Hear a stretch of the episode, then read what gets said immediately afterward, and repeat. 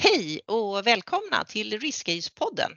I den här podden så vill vi lyfta fram nyttan med att ägna tid åt riskhantering och hur riskhantering, förutom att det är nödvändigt som vi brukar säga, det ska också vara enkelt och roligt. Vi jobbar helt enkelt med att försöka få ner trösklarna för att man ska komma igång eh, och framförallt löpande hålla igång sitt riskarbete. Så den här podden den riktar sig till alla som kommer i kontakt med riskhantering. Antingen så har du jobbat med det väldigt länge och vill ha lite ny inspiration eller så är du ganska ny in i jobbet och eh, riskhantering är ju rätt lika oavsett bransch. Så vi försöker hålla oss branschneutrala och snarare inrikta oss på sakområdet. Jag heter Kristina Eriksson jag har jobbat inom risk management i många, många år och jag är också en av grundarna till riskhanteringsverktyget RiskAce. I det här avsnittet så kommer vi diskutera det som vi slarvigt säger är GDPR-risker. Men om man skulle vara lite mer noggrann så kan man kalla det risker kring dataskydd. Och då har vi med en gäst och det är Yvonne Savor från Knowit som är specialist inom det här heta området. Välkommen Yvonne! Tack så mycket! Eh, vem är du och vad gjorde att du började jobba inom området med dataskydd och vad gör det här, att du brinner liksom för det här området? Vad gör det intressant? Ja, som vi nämnde inledningsvis så jobbar jag med dataskydd, men jag är mer specifikt dataskyddsjurist på Knowit. Ehm, vi heter Knowit Cyber Security and Law. Vi är idag ett konsultbolag med cirka 140 konsulter. Vi finns både i Sverige och i Norge. Och vi försöker erbjuda en kombination av lösningar för management, teknik och juridik. Jag började faktiskt jobba med området av en slump. Men jag fastnade direkt. Eh, jag ser ju hur dataskydd berör alla människor på ett eller annat sätt. Och jag ser hur majoriteten kan relatera till ämnet. Sen vill jag såklart vara med och utveckla ett tryggt informationssamhälle där man som person inte blir utnyttjad och det gör att jag brinner för mitt jobb och jag tycker att mitt jobb är betydelsefullt. Sen eh, älskar jag att jobba med människor och eh, i mitt jobb får jag möta alla möjliga människor och många som upplever att jag är jobbig. Jag kommer och ställer jobbiga frågor ibland. Men det är en så stor vinst när jag efter ett möte ser att folk har mjuknat upp. De förstår varför jag ställer de här frågorna. De kan relatera till frågorna och så eh, kommer vi vidare tillsammans helt enkelt. Men som vi har sett i dagens samhälle med allt som pågår omkring oss så hänger ju arbetet med data och integritetsskydd ihop med informationssäkerhet och cybersäkerhet, vilket gör att vi varje dag eh, möter nya utmaningar och får utvecklas.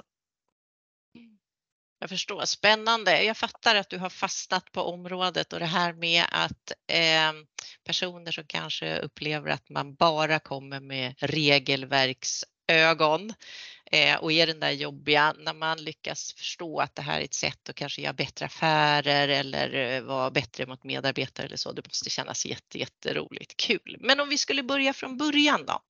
Eh, vad är dataskyddsförordningen eller GDPR och vad är syftet med att den finns?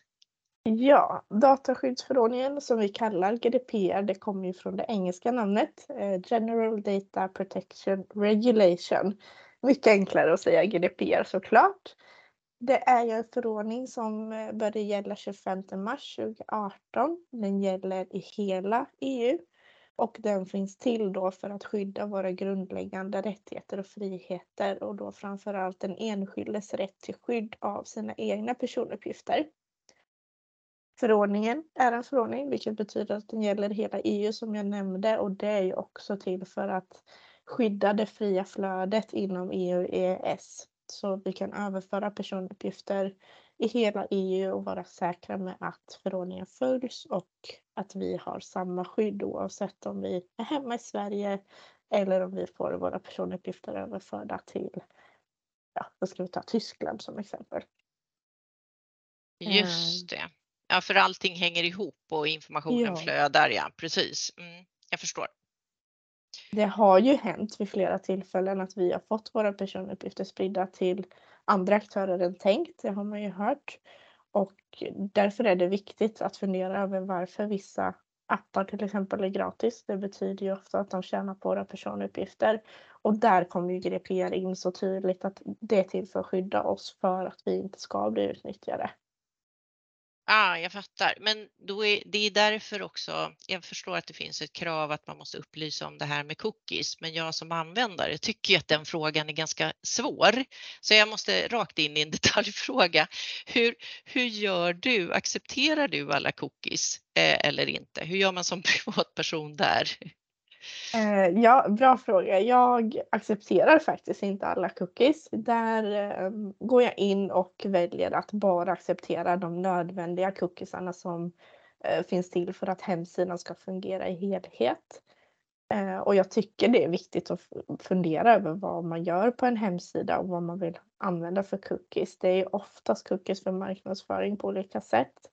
Så där tycker jag att man kan man kan stanna en extra sekund vid cookiesrutan och fundera.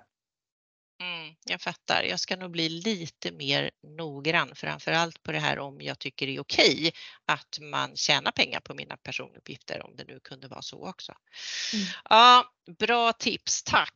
Eh, Du har fått svar på den viktigaste frågan som jag hade eh, rent konkret. Em, Hur tycker du annars att man som privatperson ska tänka angående personlig eh, integritet? Vad, vad är viktigt och liksom hur noggrann bör man vara? Ja, eh, i och med GDPR så har man faktiskt som privatperson fått flera rättigheter. Jag brukar framförallt nämna rätten till tillgång. Den innebär att du har rätt att få reda på vad ett bolag gör med dina personuppgifter. De ska kunna redovisa vad de gör, vilka personuppgifter de har, vilka personuppgifter de delar med andra aktörer och så vidare. Där har de väldigt detaljerade krav på sig. Eh, så det är ett medskick att det är viktigt att komma ihåg rättigheterna men också våga nyttja dem. De finns till för att vi som privatpersoner ska få möjlighet att kontrollera att våra personuppgifter används korrekt. Ja, man kan engagera sig på andra sätt också såklart. Jag tycker det är viktigt att precis som i cookiesfrågan stanna kvar och fundera över vad det är man accepterar. Så där har jag ett medskick att våga läsa användarvillkoren och de integritetspolicy som finns. Eh, fundera en extra sväng över systemet eller appen man använder och vara aktsam. Sen har vi ju, det är väldigt långa användarvillkor och integritetspolicies men våga gå in och åtminstone styckläsa.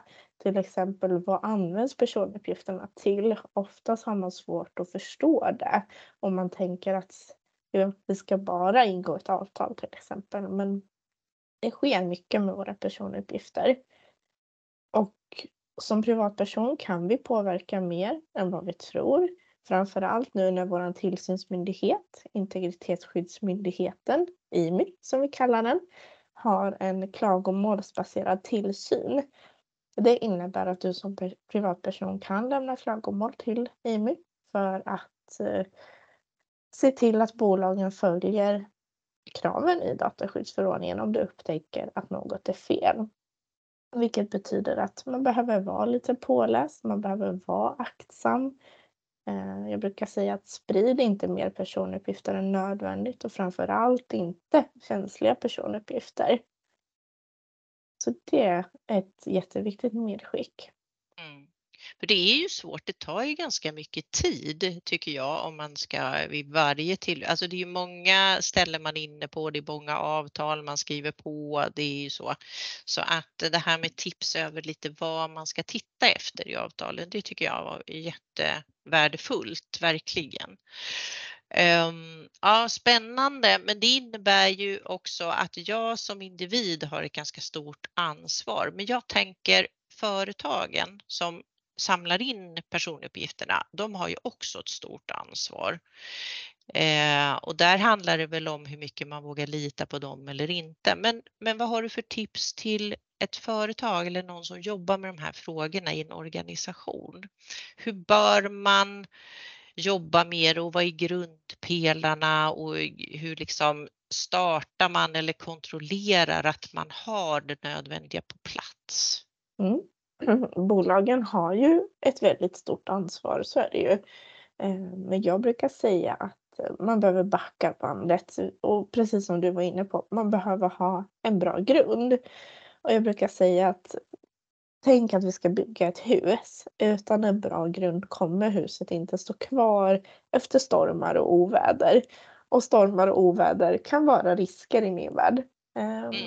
Och då tänker jag att en jättebra grund att stå på är en fullständig registerförteckning där man har dokumenterat samtliga personuppgiftsbehandlingar. För då kan bolaget enkelt se vad är det vi gör, vilka personuppgifter behandlar vi, vart behandlar vi dem och så kan man utefter den jobba vidare på de andra kraven i förordningen. Till exempel att ta fram en fullständig eh, integritetspolicy där man informerar sina kunder om vad man gör med deras personuppgifter. Och likaså när det kommer en storm som jag brukar jämföra fallet av Privacy Shield med. Så Privacy Shield var ju då en överföringsmekanism för personuppgifter då det var tillåtet att överföra personuppgifter från EU till USA. USA är annars ett tredje land och då är det inte tillåtet. Men Privacy Shield ogiltigförklarades och det blev tufft för många bolag för man visste helt enkelt inte vilka personuppgifter man förde över till USA för att registerförteckningen var inte eh, fullständig.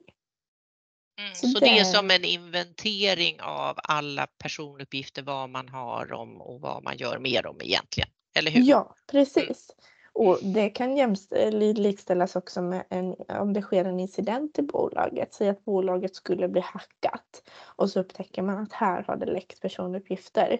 Vet man då vilka personuppgifter som finns kanske i det aktuella systemet som blir hackat, då kan man också enklare initiera incidentarbetet och hantera riskerna. Ja, jag brukar, supersmart. Ja, för jag, jag tänker att det är viktigt att man får arbeta, vi kommer säkert in på det sen hur man arbetar med dataskyddet, men det är viktigt att vi slutar släcka bränder och istället får dataskyddet att vara en del av vardagen. Ja, klokt. Men hur gör man då för att liksom få det att bli en integrerad del av verksamheten? Eh, och så att det på något vis också gör skillnad på företaget, inte bara att man uppfyller regelverket, så här, tick in the box. Vad har, du, vad har du för råd då? Ja, men som vi var inne på lite så har man grunderna på plats så blir det generellt enklare att följa GDPR och då kommer det inte bli det här hindret som många upplever i det dagliga arbetet. Och det förutsätter ett riskbaserat arbetssätt som jag tror att många bolag har med sig från andra sidan. Att man tittar på riskerna med bolaget och nu med GDPR så ska man titta på riskerna med kunderna, de registrerade. Eh, men det ena behöver i min värld inte utesluta det andra.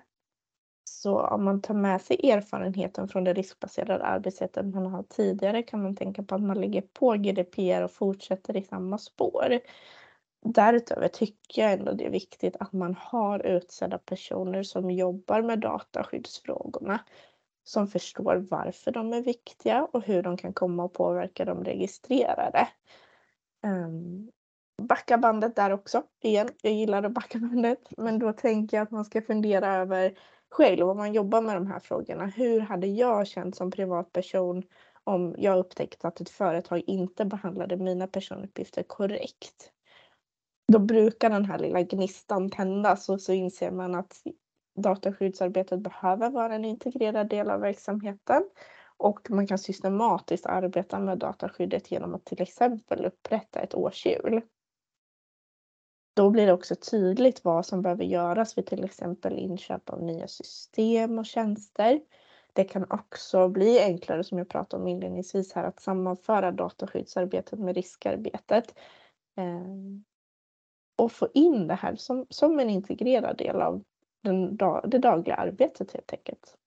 Just det, så det låter som att om man har ordning och reda som starten är med registret så kan du egentligen eh, bättre få det här att fungera med resten av affären. För jag tänker Absolut. att det är det som är tricket också, att du inte vad ska jag säga, att regelverket inte bromsar din affär mer än vad det gör hos dina konkurrenter. Det måste ju Precis. vara så. Den som är bäst på det här, bäst utbildad och har bäst ordning och reda är också den som kan på något vis, eh, vad ska jag säga, utveckla bäst. Eller hur, ja, hur tänker ja. du där? Ja men visst, utbildning är ju jätte, jätteviktig del i det här. Att det finns utbildade personer i frågorna som kan stötta verksamheten i de operativa delarna. Så är det så att man hittar ett projekt där man känner att nej, men de upplever verkligen att de har fastnat på grund av att dataskyddet ställer till det. Har vi någon som kan frågorna så kommer vi komma framåt. För dataskyddet har i min erfarenhet aldrig behövt stoppa ett projekt. Utan vi kanske har behövt hitta en annan väg. Men så har vi blivit bättre och tryggare och säkrare än konkurrenten. Ja, det låter otroligt hoppfullt tänker jag. Det är hoppfullt dataskydd. Mm, härligt. Du, dataskyddsombud då? Eh, är det den personen som jobbar med verksamheten eller hur, vad har den personen eller den, vad, har, vad, har det, vad är det? Så ska jag mm. fråga. Dataskyddsombudet är jätteviktigt att ha. Det är någonting som jag tycker alla borde ha, även om inte alla har det kravet på sig. Men där är det jätteviktigt att respektera rollen som dataskyddsombudet har fått i lagstiftningen. Och det är att dataskyddsombudet ska kunna jobba oberoende. Eh, självklart ska dataskyddsombudet vara involverat i frågorna men inte agera operativt. Och dataskyddsombudet ska vara ett stöd för bolaget att följa regelverket. Men också granska bolaget och kunna kontrollera att bolaget faktiskt gör det de ska. Nu kommer ju IMI faktiskt att granska dataskyddsombudens roll i år och jag vet själv att det i praktiken är mycket svårt att få gehör för sina synpunkter som dataskyddsombud så jag ser verkligen fram emot vad IMI kommer presentera efter sin granskning. Men därför återigen är det jätteviktigt att det finns personer som kan jobba med dataskyddsfrågorna operativt, som kan hjälpa till och se till att det dagliga arbetet fungerar och att eh, om man har ett årsdjur som vi nämnde, att det faktiskt följs. Så dataskyddsombudet är på något vis en garanti för att man har intern kontroll och styrning över det här området. Skulle man kunna säga så att det är, det är en del av det. Men jag gissar att de också ger ganska mycket råd, råd och stöd. Men att fatta beslut och så, det får de inte. Ja. Mm. Ja men precis så. Sen är dataskyddsombuden också en viktig roll för kunderna och de registrerade att ha. För det kan kännas lite tryggare att kontakta ett dataskyddsombud än bolaget i sig. Särskilt om man upplever att någonting kanske inte stämmer eller om man har frågor. För dataskyddsombudet ska ju vara oberoende som vi sa. Just det. Mm. Ja, spännande. Om man skulle snöa in lite på riskarbetet så, mm. Så tänker jag, eh, när är det obligatoriskt att genomföra riskanalyser eller eh, ja, dokumentera riskbedömningar? I just dataskyddsförordningen så pratar vi mycket om det vi kallar för konsekvensbedömning. Mm. Och en sådan ska genomföras när vi upptäcker att vi utför en personuppgiftsbehandling som innebär en hög risk för de registrerade. Och då kan det vara allt ifrån att många personuppgifter behandlas eller att vi behandlar personuppgifter för särskilt utsatta personer, till exempel äldre eller barn. Det kan också handla om att vi behandlar känsliga personuppgifter. Då behöver man djupdyka, som jag brukar säga, i behandlingen för att titta på vad är det vi verkligen gör? Ehm, I vilket syfte gör vi det här? Och därefter titta då på en fullständig riskanalys där vi tittar på vad har vi för risker och vilka risker är det framförallt då för de registrerade? Just det, så det är det perspektivet som är det viktiga i det här. Ja. Eh, Tänker det... lagstiftaren på något vis att det är så att vi måste värna särskilt om det är så att vi till exempel har utsatta grupper som vi har information? Är det liksom för att ta ett extra ansvar? Är det det som är syftet eller? Ja, precis. Att ta det här extra ansvaret att visa på att man följer integritetsskyddslagstiftningen men också att man värnar om den integritet vi har. Och att eh, vi ser till att de registrerade kan känna sig trygga. Det kan ju även vara så att det visar sig att riskerna är så höga att vi behöver informera de registrerade direkt eller att vi behöver inleda ett samråd tillsammans med Integritetsskyddsmyndigheten. Just det.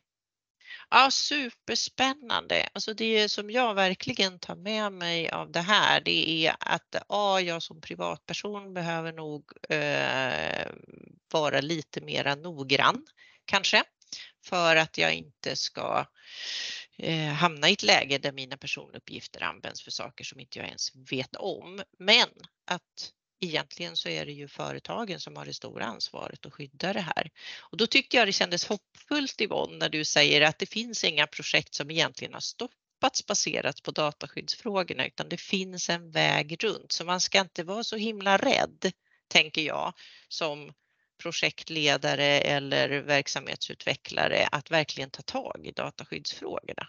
Nej, absolut inte. Jag skulle säga att eh, bjud in Eh, rätt personer i ett tidigt skede så behöver man upp, inte uppleva att det tar stopp. För har man med dataskyddet från början då kommer det flyta på och så kommer det bli den här integrerade delen direkt och så kommer det vara ett teamwork istället. Och det är där jag jobbar mycket med, att få ihop teamet i alla dessa frågor. För jag, det, många tror att nu är det bara dataskydd som gäller. Men vi får fortfarande inte glömma det, det andra, alltså informationssäkerheten, de andra riskerna är fortfarande riskerna för bolaget viktiga. Det ena utesluter inte det andra. Ja, låter jätteklokt och eh, att vi har trängt in lite i området också som, som för många. Jag vet att eh, det känns abstrakt och det var faktiskt redan i vårt andra poddavsnitt som det kom ett önskemål att vi skulle göra en podd på det här området. Så vi kanske får anledning att pratas vid igen Yvonne eh, om det. Det vore Stort... bara roligt. Ja, härligt. Stort tack snälla du för fantastisk input och för att du har varit gäst hos oss idag. Eh, jag tänker att Eh, man kan prata länge om det här och det gör ju både du och jag gärna, lite olika utgångspunkter. Så att om du som har lyssnat vill veta mer så kontakta gärna Yvonne eller oss på Riskcase genom att söka upp oss på LinkedIn. Yvonne heter då Yvonne Savor i efternamn och jobbar på Knowit. Tack snälla allihopa för att ni har lyssnat och tack Yvonne. Tack.